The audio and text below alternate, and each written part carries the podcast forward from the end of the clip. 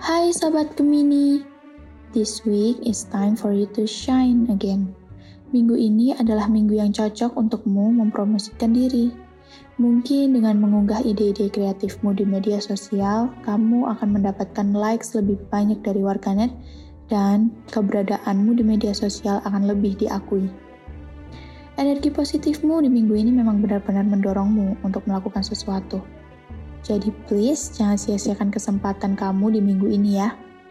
Saranku buat kamu yang mudi ini, jangan pernah ambil pusing komentar orang lain yang hanya akan menggerus energi positifmu.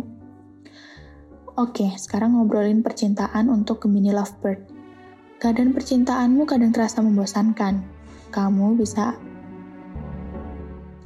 kamu bisa mulai melakukan kegiatan kecil yang ada di sekitarmu untuk menetralkan suasana hatimu terhadap pasangan.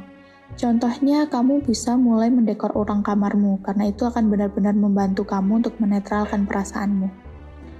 Untuk sobat Gemini yang masih single, teman tapi menikah itu bukan cuma Dito dan Ayu yang mengalami. Mungkin kamu selanjutnya. Jangan malu mengakui rasa sukamu terhadap temanmu sendiri.